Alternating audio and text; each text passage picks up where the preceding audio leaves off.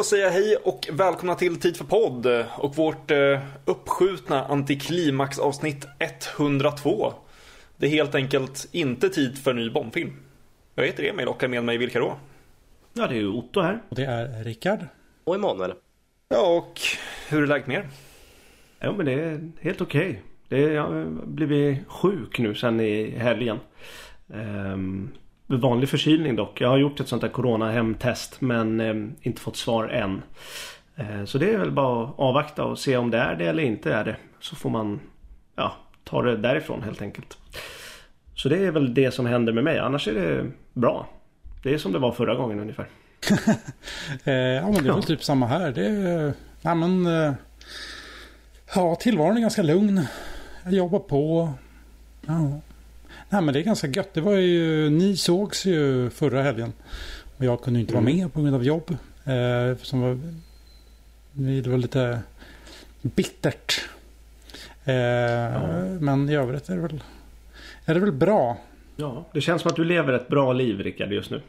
Ja, verkligen. Du har landat. Vi pratade om det i, i helgen att det är du som du har gått vidare nu från oss och våra värdelösa grejer vi hittar på. när, när vi tycker det är en bra idé att hoppa över bord från båtar och skaffa TikTok då sitter du hemma i ett tryggt samboförhållande. Det känns skönt. Ja. Eh, jag känner mig fortfarande värdelös men... Det känns som att du har levlat, du har levlat upp lite. Det kommer alltid, det kommer alltid, färgerna går aldrig ur Rickard. Nej jag vet, det är ju så. Det är ganska skönt också att man vet, man vet ja. att man är värdelös. Då har man något att förhålla sig till.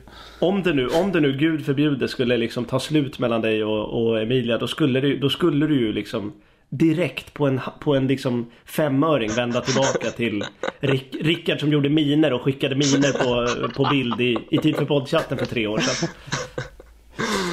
Du skulle ju snappa direkt som Sickan i Jönssonligan. Tiden har gått vidare. Something snaps in Rickards mind. Ja, verkligen. Ja, exakt så.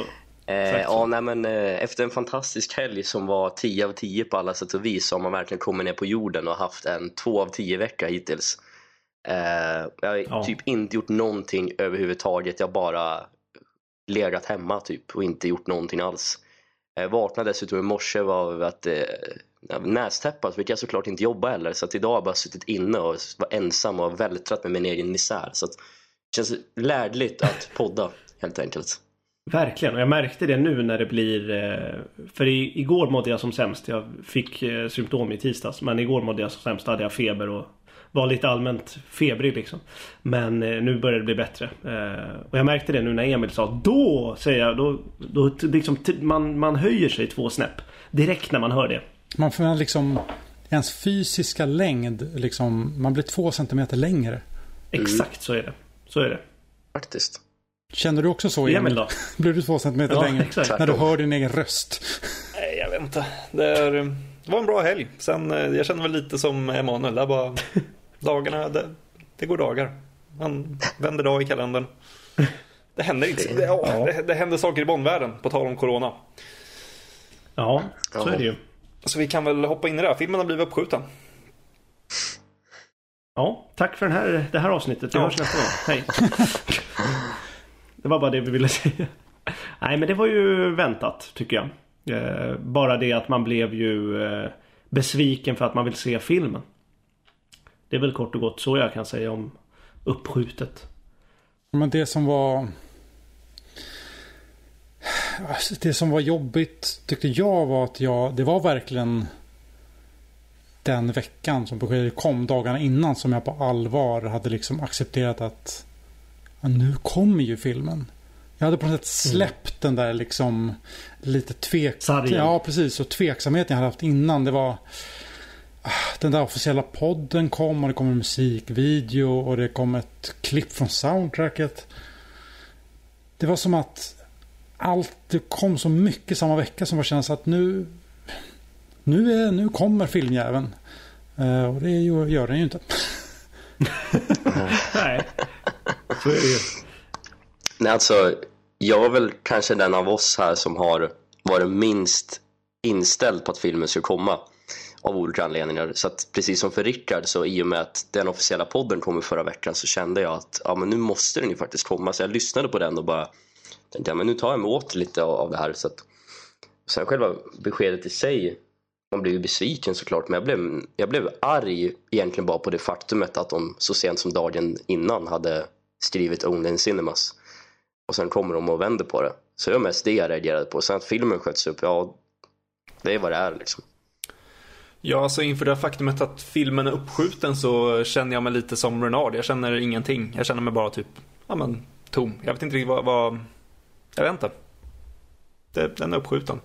Eh, det jag blir arg över är att eh, ja men lite på det här med marknadsföring och om man nu ska tro de vad ska man säga, ryk, ryktena som har cirkulerat lite men att det har varit ganska stor oenighet mellan de olika parterna och de har inte riktigt kunnat komma överens om det och sen så ville var det väl MGM som ville att filmen skulle komma och det är väl de som har tryckt på med marknadsföring för att liksom få med de andra på tåget så att de inte har något val. Och det där gör mig jävligt arg för det där är så sjukt oprofessionellt. Alltså dels hela MGM-biten, sättet som de agerar på men också att de bara inte kan komma överens. Det är så här, alltså man, man kan inte agera på det här sättet de har gjort. Det, det där blir jag irriterad på. Att det är så här, vi har flera aktörer och de kommer inte överens och sen så så nära inpå att film ska komma så kommer de inte överens och sen så tycker MGM att de kan börja trycka på med massa marknadsföring och så blir det i alla fall så att filmen inte kommer. Alltså kom igen, lite professionalitet måste man ha när man liksom roddar en produktion för 250 miljoner dollar eller vad det det är. Så här, det är där jag blir irriterad på. Det, liksom, det sköts så dåligt. Det är så himla konstigt. För det jag läste också det att det är också ett rykte men att de skulle ha ett möte i MGM och Universal typ ja, någon gång i augusti tror jag det var. Eh, för att liksom diskutera hur de ska göra med filmen. Eh, det vill säga att de hade inte då liksom bestämt om de skulle hålla novemberdatumet eller inte.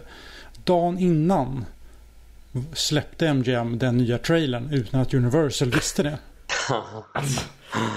alltså helt jävla ofattbart. Om det stämmer. Det är alltid de där jävla MGM. Ja, eller hur?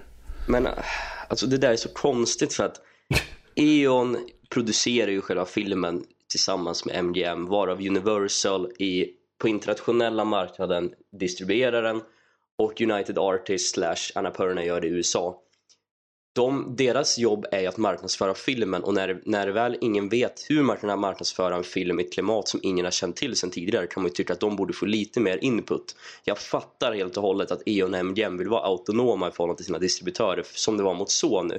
Men det, de, det jag inte fattar däremot det är att de går emot dem i en sån här tid när ingen vet någonting alls. De måste ju lyssna på sina utgivare som faktiskt också har plöjt in massa pengar i det här projektet. Sen att Sony, inte, Sony bara gjorde precis som MGM och Emil, ja men det är ju en sak men det var också ett helt annat bioklimat.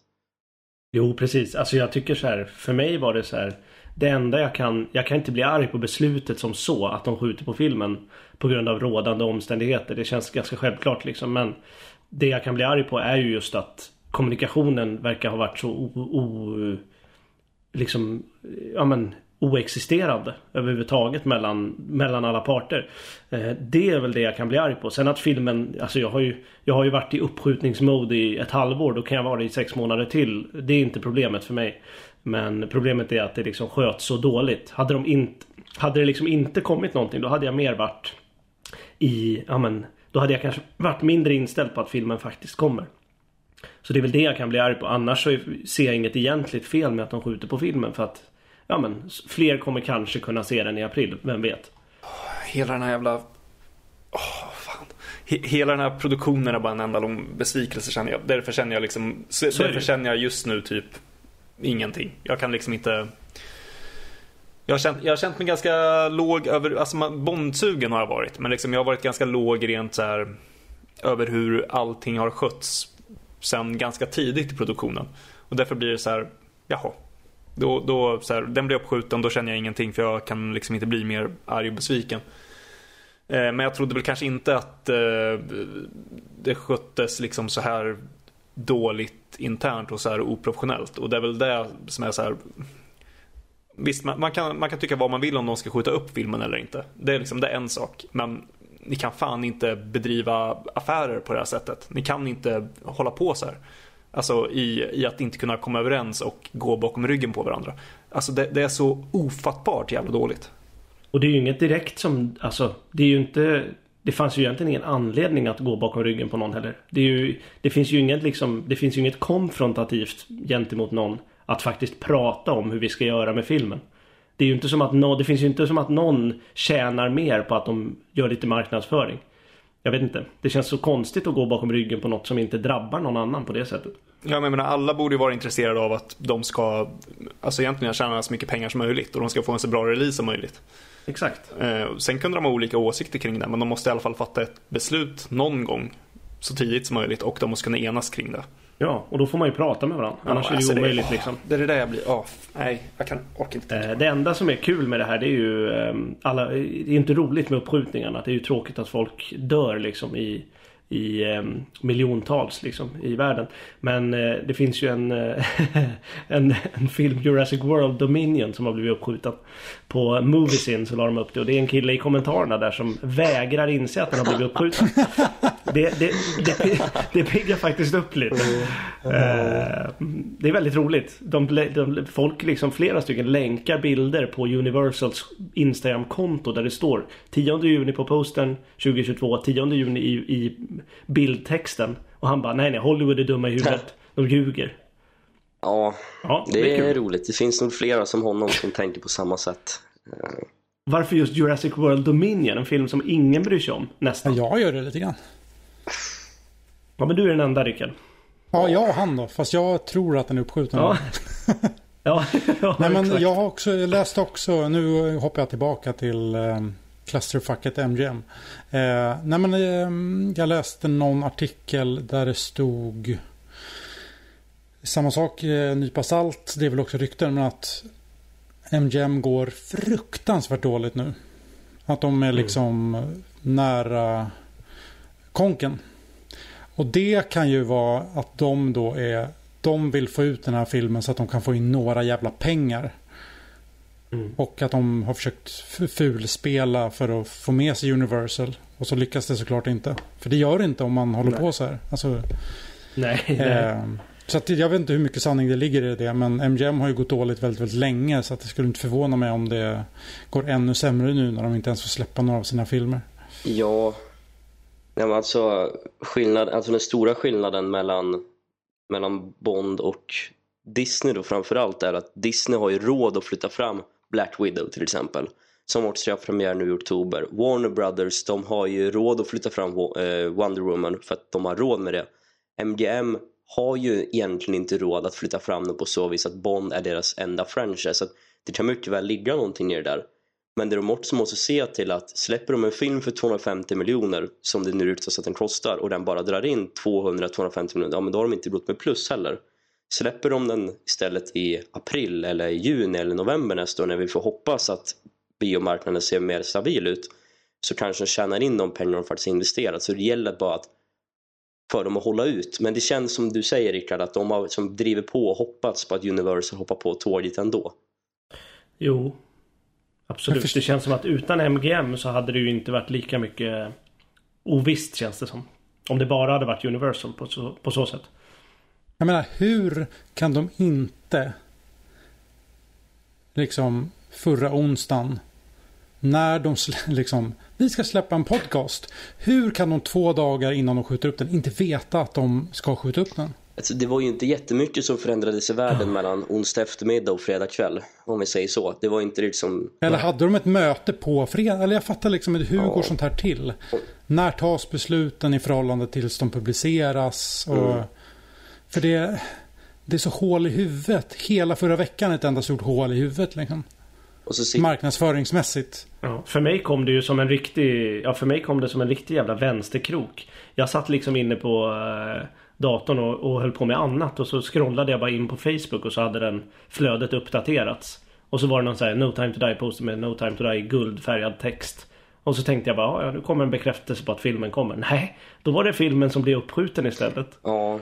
Så då var det så här, man var inte beredd på det. För att de hade just pushat på med, som jag upplevde det, ännu mer PR än inför originalsläppet egentligen. Ja, vi, eh, vi i fredags var väl eh, åtta öl in och var på väldigt gott humör och så får jag ett meddelande från vår kära lyssnare Stefan Bäckman man skickar en länk till någon Hollywood reporter något så börjar jag gå in och kolla. Okej, okay, så man är ju man är på gott humör så jag läser, bara scrollar.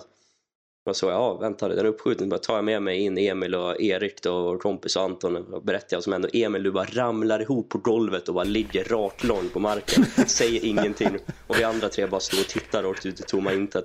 Så jag gick ut på en promenad och skrek bara ut i Östersundsnatten. Ni var håglösa pojkar, var det det? ja, verkligen. Alltså, ja, det var ju inte... Mm, jag var ändå ensam i min... I mitt beskedsmottagande. Ni var ändå tillsammans. Mm.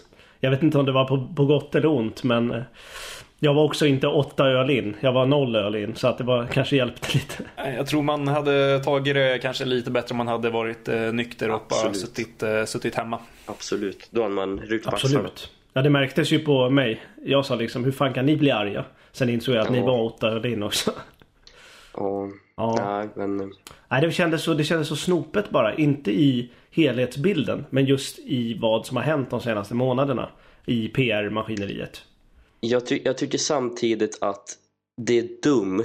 Jag förstår att de måste göra det men de kan hålla det internt. Att annonsera ett nytt datum. I alla fall inte i det här skedet. De kan absolut sätta 2 april som ett datum för dem att förhålla sig till. Men de behöver inte annonsera det förrän det faktiskt gäller någon gång i december, januari. Nu är det som, och nu börjar vi om igen. Det kanske jag irriterar mig på också för att det är egentligen bara, de, de kastar ju bara ut ett datum och hoppas på att det kommer funka. Eh, men jag fattar att de måste ju börja bygga upp någon form av något förtroende för oss på något sätt. Men ja. Ja, nej det är ju en speciell eh, tid vi lever i. Förhoppningsvis så löser det sig så fort det kan. På det bästa sättet det kan. Jag är, jag är lite sugen på att liksom höra vad ni tycker om det som faktiskt kom förra veckan. Eh, om mm. till exempel om vi ska liksom börja i, i podcasten som då bara blev ett avsnitt tills vidare. Mm. Eh, jag vet inte om alla har lyssnat på det i och för sig. Jag har lyssnat. Ja. Mm. Så då har alla vi lyssnat. Ja, jag har lyssnat också. Ja. Vad, vad tyckte ni om den? Som jag sa, det var två plus. Mm. Jag, alltså, jag tyckte att formatet som så var ett, ett ganska bra sådant. För att det är gjort framförallt för att alla ska kunna lyssna på det och man får en introduktion till Bond och allt det där. Men det som var bra för oss Bond-fans att få höra nya intervjuer, framförallt med Purvis och Wade. Eh, det var intressant. när de sitter och pratar om Dine the Day och Pierce Brosnan, återgången till Craig och allt det där. Det tyckte jag var intressant och det var mm. kul att höra Barbara Broccoli och en väldigt svag Michael G. Wilson. Jävlar vad han lät skör. Ja, ja verkligen. Och att Craig lät entusiast. Sådana små grejer tyckte jag var intressant som så, även om mycket av det de sa man hört förut. Men konceptet gillar jag, så jag var genuint taggad på att följa det här. Ja, men eh, samma här. Jag tyckte det var klart över förväntan och det var ganska, vad ska man säga, härligt att höra dem prata om ja, men, Craig-eran i stort, vad det har varit och ja, men se lite så här med retroperspektivet, så här, se tillbaka lite på det och ja, med lite så analytiska ögon någonstans. Och jag tyckte det var ja, men, över förväntan. Sen visst, allt var inte jätteintressant. Vissa intervjuer var ju sådär, ja, det, de säger inte så mycket. Det är ord mest. Men som, som sa, Paris Away tyckte jag var jättebra. Um, Barbara Broccoli jag för mig. Jag tyckte också att hon sa betydligt bättre saker än jag trodde hon skulle säga. Det kändes ändå som att det var någonting mer än att okej okay, nu ska vi bara hypa upp filmen. De vill ändå gå lite mer på djupet än så. Sen går de ju inte jättedjupt såklart. Men det var ändå, jag, jag trodde ju bara att nu ska de bara sitta och vara självgoda i en halvtimme och prata om hur fantastiskt No Time To Die är. Och så var det inte. Och det var det som ja, gjorde att jag faktiskt tyckte att det faktiskt blev väldigt bra. Eh, ja, det som jag faktiskt... Det första som slog mig var att jag har inte stött på en sån här typ av podcast förut. En liksom inför filmen podcast. Från officiellt håll. Eh, vilket nu när man när jag har hört det så är det så här. Var, var, varför har ingen annan tänkt på det här förut? Nej, det tänkte jag på också. Jag sa det på till mina kollegor på jobbet att det är den första filmen jag vet i alla fall som har en, som har en inför podd inför släppet liksom. Och även inför en produktion tror jag. Jag har aldrig hört talas om det i alla fall. Eh, så då blev man lite stolt. Eh, och det var en väldigt, en väldigt bra idé egentligen. Så det är ju väldigt märkligt som du säger. Varför har ingen tänkt på det innan? Mm. Ehm, men just bedöma ett avsnitt sådär. I sex avsnitt kanske jag hade tyckt att det, Då kanske jag hade tyckt att det hade varit bättre. Men det här första avsnittet gav Gav inte mig så mycket i alla fall. Det enda som jag faktiskt plockade med mig det var ju när Barbara Broccoli sa någonting mm. i linje med att uh, Fans of the books will recognize. Uh. Fans of the book. Ja, yeah, fans of the books mm. will find things they recognize. Eller något sånt mm. där. För, först sa hon ju fans of the book. Men ändrade sig väldigt snabbt till books. Undrar vilken book hon tänker på. Ooh, mm. Det vet man inte. Hon kanske råkar, de kanske har baserat det helt på någon Bondbok och sen så råkar hon säga en books menar jag såklart. baserat på boken Cold av John Gardner. oh. Nej, allt är, bas allt är baserat på den jävla Sebastian Fawkes-boken som du hatar. Uh, Jeffrey Deaver. Jeffrey Deaver, förlåt. Ja, Fan, Sebastian precis. Fawkes då, vem är han? Det är Devil May Care. Ja, ja. Mm. jag kommer aldrig lära mig de där continuation-författarna. Nej, det behöver du inte göra heller. Nej, det är bra. Den är baserad på den där rullstolsspermabankscenen. hela filmen. Oh, Felix Leiter gör wheelies på sin mm. rullstol och skriker jeha när han skjuter med en AK47. Jävlar vad, jävlar vad, vad förvånande det hade varit ändå. På ett roligt sätt. Jeffrey Wright kommer in i rullstol. Ja, det hade piggat upp ändå. Han kanske kommer in i rullstol på slutet där på något sätt. Han blir skadad i No Time To Die och så. Ja. Han mår ändå bra. Ja, exakt. Han äter tacos och är glad. Eh, ja. ja. men Ja, det var ett kul koncept. Det är jävla synd bara att man får vänta sex månader på avsnitt nummer två. det är liksom på måndag. Ja. Det kommer en podcast. Den släpps på onsdag. Avsnitt på onsdagen. Lördagen. Eh, ja, vi har skjutit upp filmen så att vi väntar med resten av avsnitten. Nej, helt otroligt. Det ska, det ska till liksom fem grabbar från Sverige för att göra en podd i fler än ett avsnitt tydligen om Bond. Eh, ja. Så är det ju. Ja, det kanske vi som ska få rodda den här podden under tiden. Uppehållet. Ja, då kommer, det, då, då kommer den ut i alla fall. Jävla sopor. Eh, vad har vi mer? Musikvideon har jag faktiskt fortfarande inte kollat på. Inte jag heller. Inte jag heller. Ja. Nej, det var major spoilers i den kan jag säga. Ja, det var det. Eller, alltså det beror på vad man tycker som major spoilers men Anton intygar att det var en stor spoiler. Ja, jag, jag fattade dock inte vad det var han pratade om. Så jag, jag måste kolla på den igen. Men eh, för mig var det en major spoiler. Ja, för Anton hade, ja, för Anton hade sett Kulturnytt, var det så? Kulturnyheterna mm. på SVT. Ja, exakt. Och där var det något klipp från uh, musikvideon. Och då var det mm. major spoiler med i det där klippet som de visade. De visade ja. klippet i två sekunder och i de två sekunderna var spoilern då tydligen. Ja. Mm. Nej men det är lite, ja det är så här. Ja. Men man vet ju om att kulturnyhetsredaktionen inte respekterar Bond. Återigen, jag har sagt det förut. När Fredrik Salin recenserade Spectre 2015 och sa att han ogillade cykelsekvensen då tappade jag förtroende för kulturnyheterna. ja, just det. Va? Det är kul ändå. Det är roligt. Exakt, han har inte sett filmen. Han bara var inne för den ändå. Ja. Va? Det känns som att han... Han, han radade upp så här. Han gillade inte biljakten, han gillade inte flygjakten, han gillade inte cykeljakten. Alltså han radade upp sekvenser varav en inte fanns. Menade han typ motorcykeljakten i Skyfall? Fel film och fel färdmedel? Eh, så kan det faktiskt vara. Eller kollade han på Never Say Never Again? ja. Fast det, den cykelscenen är ändå lite kul. Ja, ja. Men alltså, jag undrar lite så här. Jag vet inte. Nej men det var, det, jag vet inte. Jag, jag säger hellre att det är en major spoiler och så tittar ni inte på den. Än att jag säger att det inte är det och så tittar ni och så tycker ni att det är en major spoiler. Men det irriterar jag mig på. Att de på torsdag, för, nej fredag förmiddag lägger upp på Youtube en countdown till det att klippet faktiskt kommer. 18.00 sitter det någon på något kontor någonstans i London och tjommar upp den där på Youtube.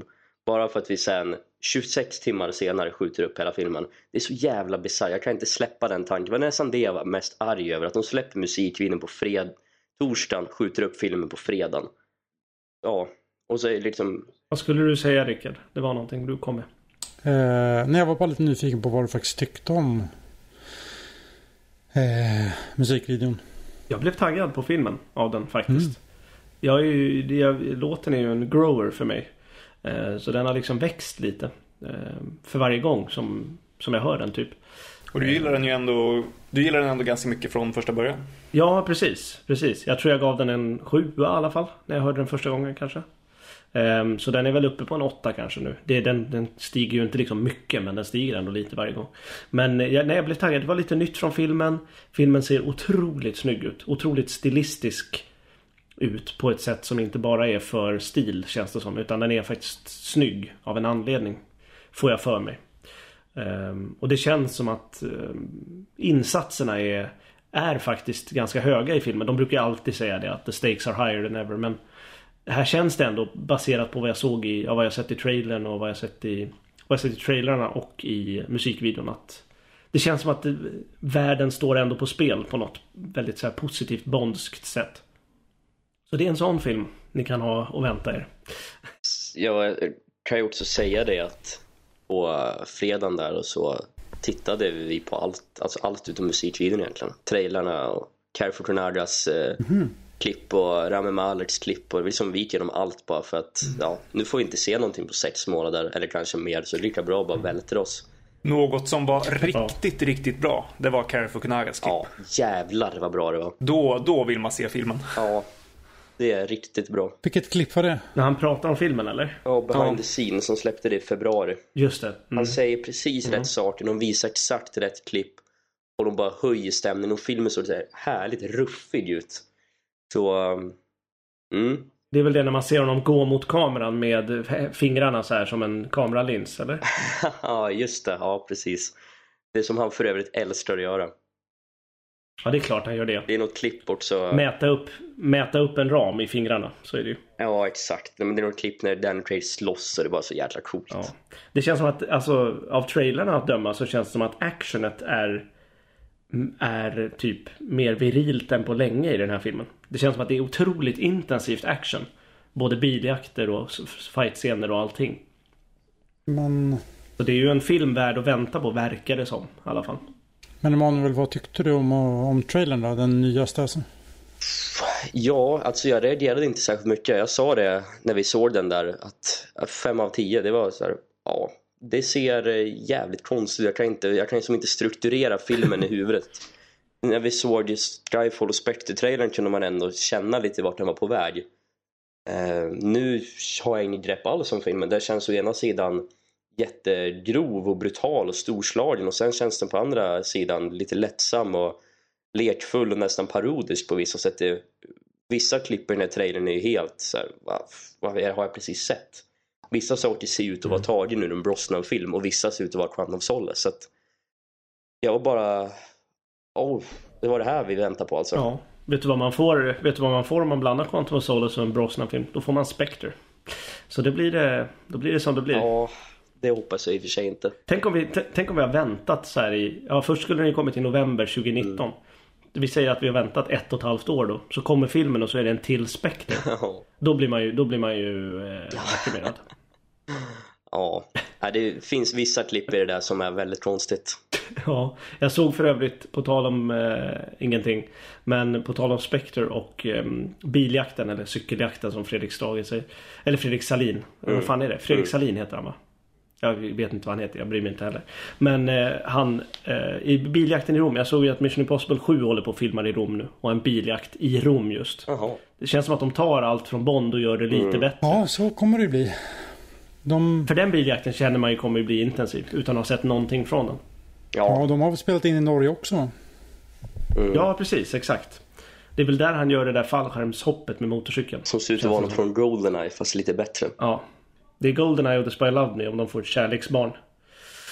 Men eh, det, alltså den, den biljakten i Fallout i Paris. Oh. Den är ju, den är ju sinnessjukt bra.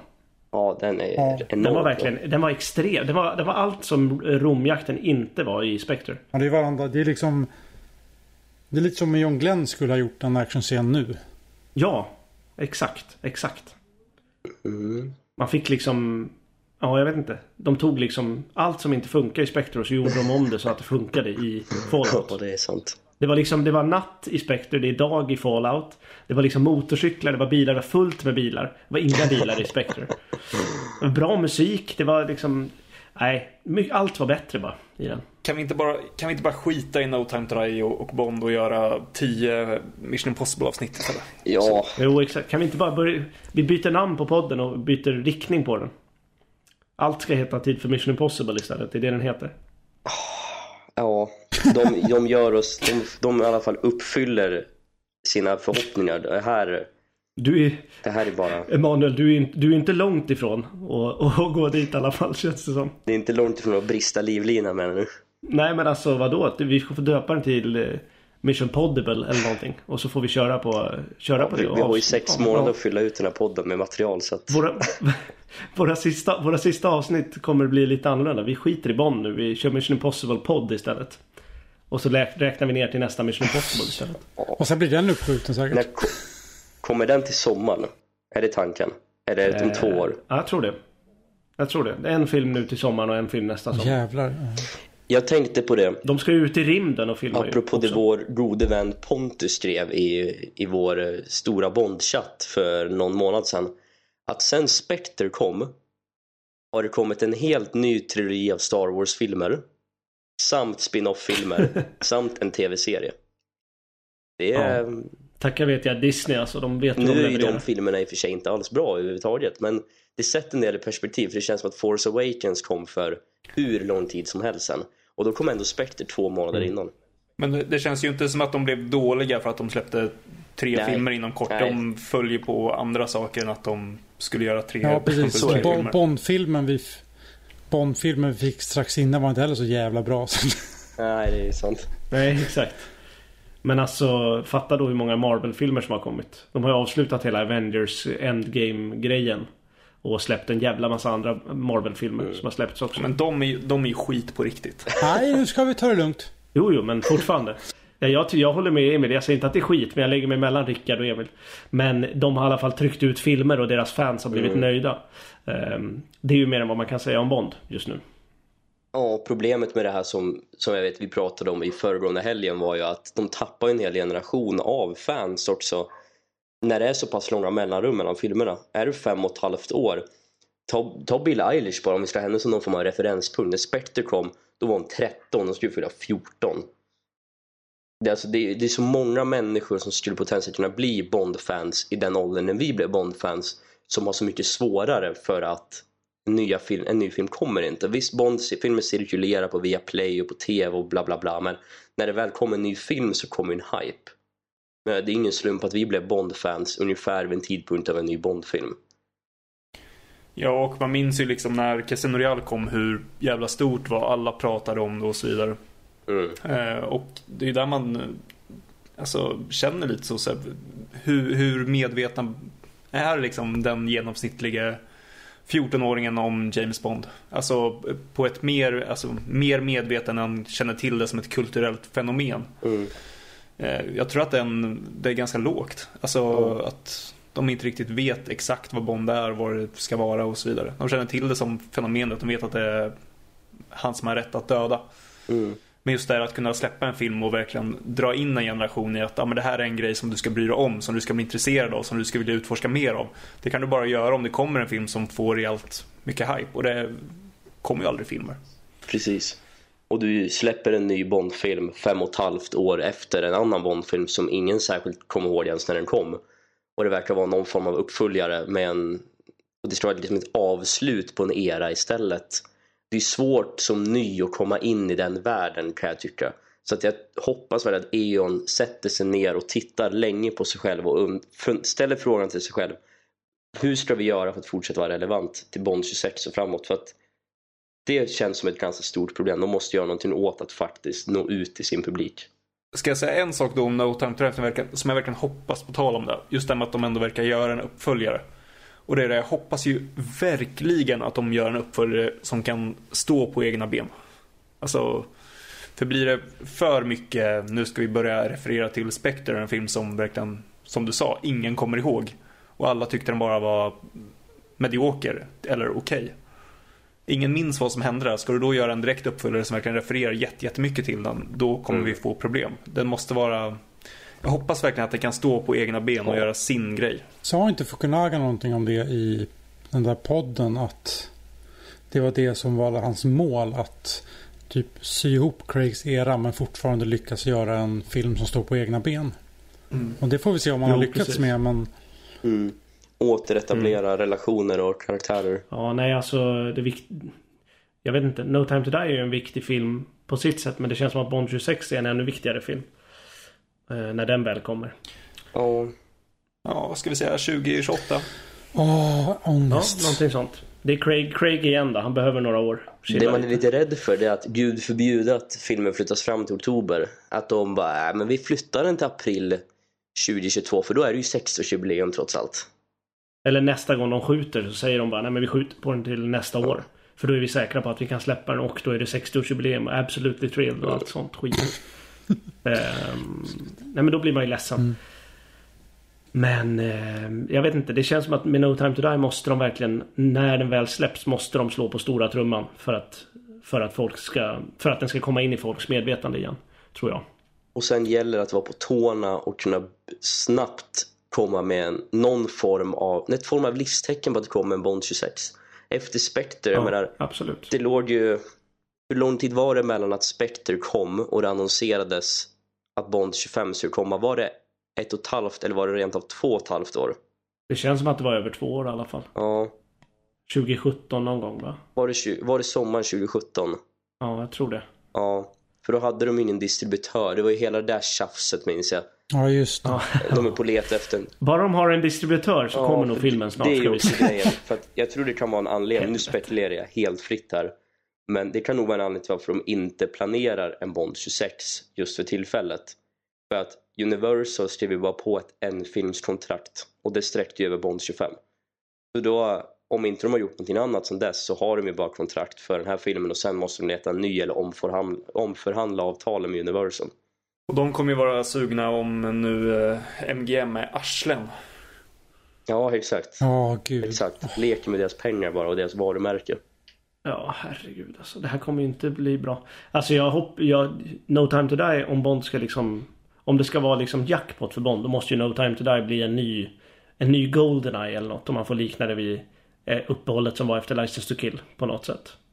För jag tror som du Emil att Bond är inte i så många personers medvetande just nu i alla fall. Eh, och jag hoppas att det kommer bli en ny Goldeneye eller en ny Casino Royale eller en ny Skyfall för den delen. Som kan liksom verkligen eh, på nytt föda Bond-intresset hos folk och medvetandet för Bond. Ja, jag hoppas verkligen också men samtidigt känns det som det är svårare att göra det för en avslutande film än för en ny start. Det är lättare att marknadsföra en ny kille som Bond än att marknadsföra en sista. Ja. Kommer ni ihåg han som gjorde den här förra filmen? Ja. Han ska vara med igen nu. Ja, precis. Sex år senare. Och sen, eller sen går det fyra år och sen kommer det ytterligare en ny kille som ska spela en ny Bond-film. Ja. Jag tänkte på det i och med att det har ryktats eh, lite om att eh, Tom Hardy ska ta över som Bond. Mm. Eh, har de det här tempot kommer han vara ja, men typ 49 när eh, hans första film släpps. De får väl gå till närmsta BB och leta nästa Bond eller något. Ja, eller hur? För jag tror, han är, jag, tror han är 40, jag tror han är 43 nu. Så tar det sex år, då kommer han vara 49 när hans första film kommer. Mm. Ja men de, de går ju till någon så här gymnasieskola i, i eh, London och går på något föräldramöte bara. Vem är du farsa till? Dig tar vi. Avla fram en Bond. Ja men det är ju det. De måste ju, de måste ju kasta en 25-åring för då kommer han vara 31 när hans film kommer. Jag tänker att de kanske kan börja planera på att liksom genmodifiera någon litet, en litet embryo. ja, Skapa en Roger Moore-klon eller något. Ja, exakt. Genome, Genoma kommer Alltså jag pratade med min kompis Gustus, Gustav Frankell här igår när jag fyllde år. Han ringde och grattade mig och han sa själv Kommer det något nytt Bond-spel? Han var taggad på det. Nej det gör det ju inte heller. Eh, det gör det ju inte. Eh, men det hade, det hade typ kunnat behövas känns det som för att få in det ännu mer i folks medvetande. Ja framförallt då som vi pratar om den unga mm. generationen. Ja. Men eh, Rickard, du som har bäst mm. koll på uh, Marvel i, av oss. Det här är ju ja. första året det inte kommer en ny Marvel-film. Hur ser det ut på tv-fronten och på den delen? Kommer det nytt Marvel-material där? Ja, det kommer en uh, tv-serie i december tror jag. Okay. Som heter WandaVision.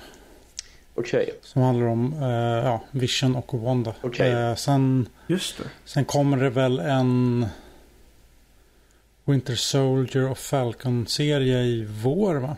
Okej. Okay. För som sagt, det går inte att jämföra Marvel och Bond. Det är två olika industrier. Men att de kan ju ändå upprätthålla sitt varumärke genom att hålla sig relevant ändå på något sätt. Hade det bara funnits en bok eller ett spel eller bara någonting under tiden så hade Bond kunnat levt i medvetandet. Mm. Men det finns ju ingenting alls sånt. Ja. Alltså i sådana här uppehåll så skulle jag fan inte tacka nej till en serie alltså. Nej. En påkostad Netflix-serie eller vad som helst liksom. Baserat på böckerna. Typ tre entimmes avsnitt eller någonting. Det hade varit ashäftigt ju. Ja. Bara för att stilla något slags Ja, ja absolut. behov. Verkligen. Nu är man bara tom. Så nu känner jag bara så här, vad gör jag? Varför, varför gillar jag inte Marvel? Jag borde gilla Marvel istället för att då får man liksom Då har man inte en film att se fram emot. Då har man 23 per år. Och då kan man alltid få någonting liksom. Ja men det är ju eh, lite problematiskt att den här känslan man har gått runt och haft i drygt fem år bara alltså total tomhet. Och sen har det kommit igång lite, sen har det saktat in och sen har det kommit igång och ah, när den här filmen väl kommer, man har ju gått igenom en emotionell berg och dalbana utan dess like. Vet ni vad vi har att se fram emot? Ja. Jönssonligan. Ja, Ja, men jag tänkte, vi får ju faktiskt Bond på bio i höst. Ja, just det. Ja. Just det. Ja, jävlar. Alla stockholmare i alla fall. Ja, eh, Bio Capitol som vi har pratat, pratade väldigt mycket om eh, förra hösten. De ska köra eh, Bondfilmerna igen nu i höst. Eh, start nu i slutet av oktober tror jag. Uff, mycket fint. Mm. Ja, Så, Precis. um, Det är roligt ändå. Ni- Det tyder ändå på någon slags succé från förra gången.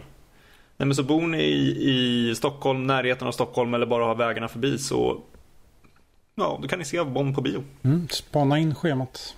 Absolut, absolut. Om vi eh, dyker på någon film så kanske vi skriver något på Facebook om det, vem vet? Det tycker jag. Ja men absolut. Jag missade ju From Russia With Love senast och det vill jag inte göra igen. Nej, Jag ska försöka dra på The Spy Who Loved Me som ändå var min favoritfilm i tio år. Nästan. Mer. Jag missade ju Diamonds of Forever så den får jag verkligen inte missa. ja, den vill jag se. Ja, den, vill, den, den vill jag missa kan jag säga. Ja, det var... Jag har ju för övrigt börjat ett Bondmaraton, Ja, det vet ju inte lyssnarna. Eh, börjat eh, i en liten annorlunda Mm. ordning. Försöker följa Bonds eh, karaktärsutveckling. Och, men jag vet att man inte ska göra det men eh, det, det blev faktiskt det blev lite mer spännande än att liksom se fem Connery, en Lazenby, en Connery, sju Mm. Moore. Nu blir det ju lite mer liv i luckan så att säga. Man blir ju mer rivstart med Casino Real. Verkligen. Det känns väldigt virila fyra första filmer. Eh, Casino Royale, Quantum, Dr. No from Russia with Love och Goldfinger. Det är fem bra filmer att börja med. Ja, jag känner att jag orkar inte ta tag i Bond överhuvudtaget. Vi såg ju Casino Real inför vår föregående podd. Sen såg vi Quantum of Solace nu i helgen. Och sen, nej, jag känner, nej, jag orkar inte. Ja, jag såg ju Tomorrow Never Dies här på Global James Just det. Bond Day. Just det. Den, blev gjort, den dagen blev gjort ett antiklimax. Ja. Men jag lyckades ändå liksom fan sätta mig där. Jag och min sambo tittade på Tomorrow Never Dies. Hon hade inte sett den förut.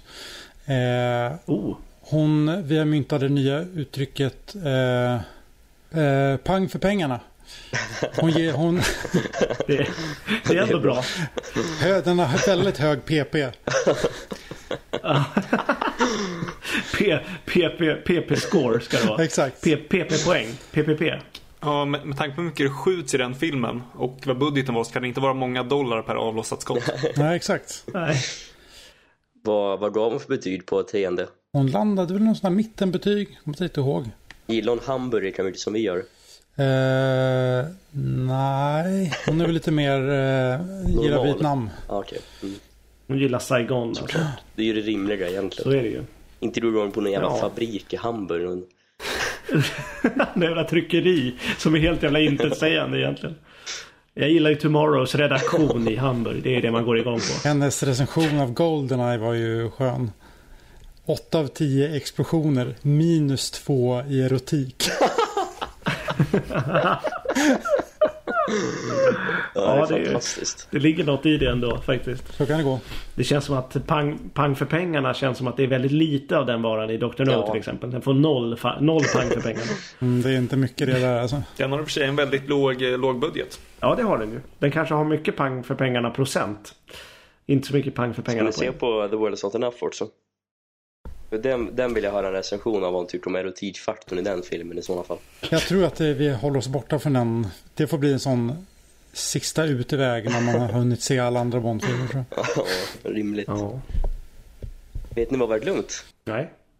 Faktutmaningen. Ja, kanske ska avsluta med den. Mm.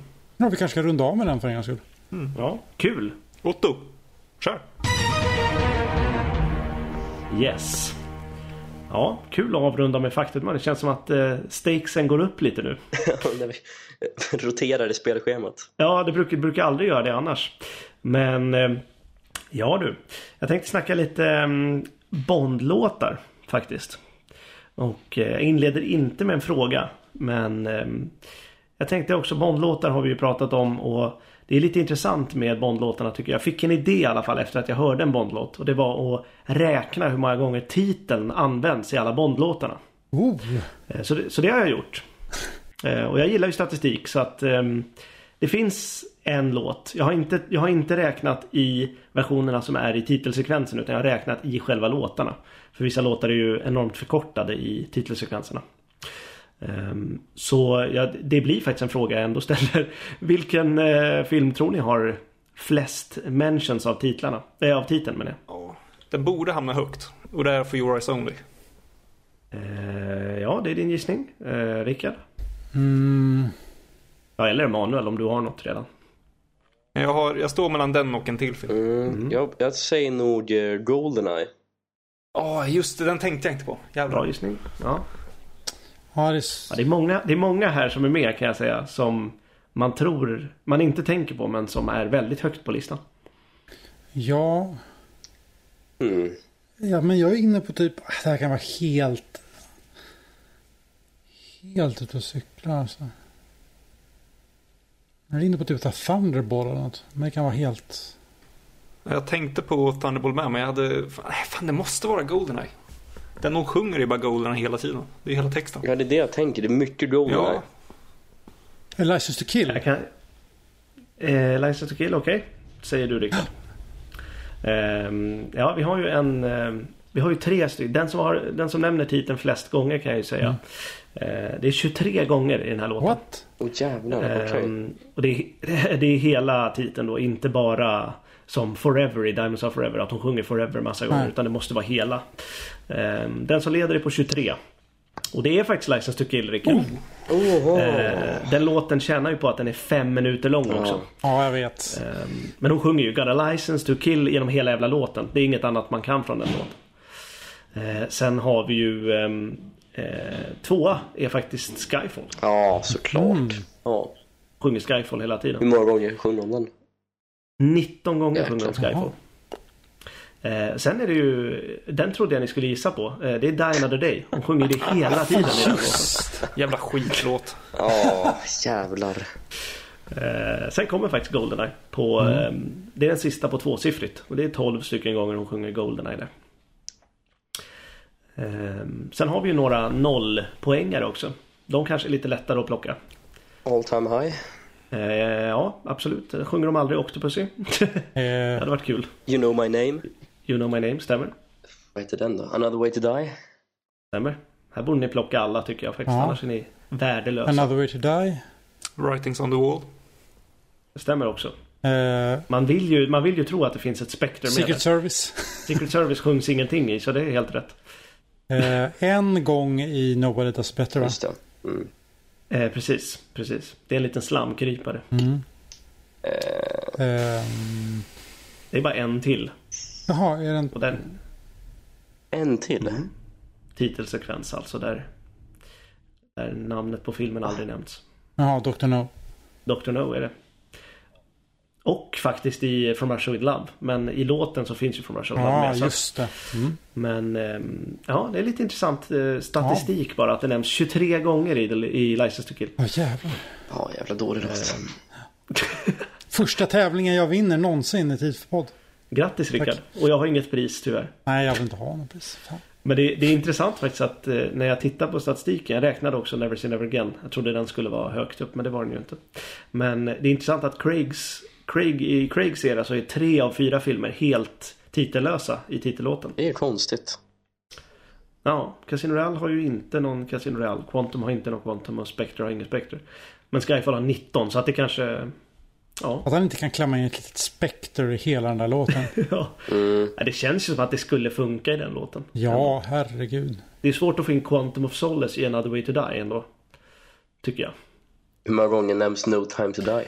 Eh, oh, den har, den har jag faktiskt inte räknat med. Det kan inte vara överdrivet Men jag gånger. tror att det är Nej, alltså de flesta filmerna. Eh, jag, kan, jag kan säga, alltså de Connery-filmerna där är det 3, 3, 3, mm. 3, 4. Mm.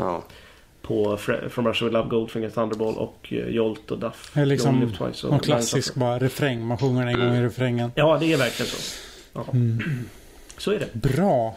Kul, det här pillade upp. Ja, så det var lite, Mycket jag hade bra. tråkigt och räknade. Ja, mycket bra. Så är det. Så är det. Yes. Ja, det var min fakta helt enkelt. Mm. Bra. Ska vi runda av där? Ja. Ja. Det tycker jag. Jag är, jag är trött på Bonn nu. ja. Nej, men vi tar väl och eh, tackar de vanliga Thomas Drog och Anders Reid från Sweden Will Love och Agent 07.nu. Tack Anton, tack eh, Lars Logotyp och tack till er som lyssnar såklart. Så får vi väl se vad vad vi ska hitta på det kommande halvåret med den här podden. Mm. Ja, tack till MGM också för att ni är så underbara människor.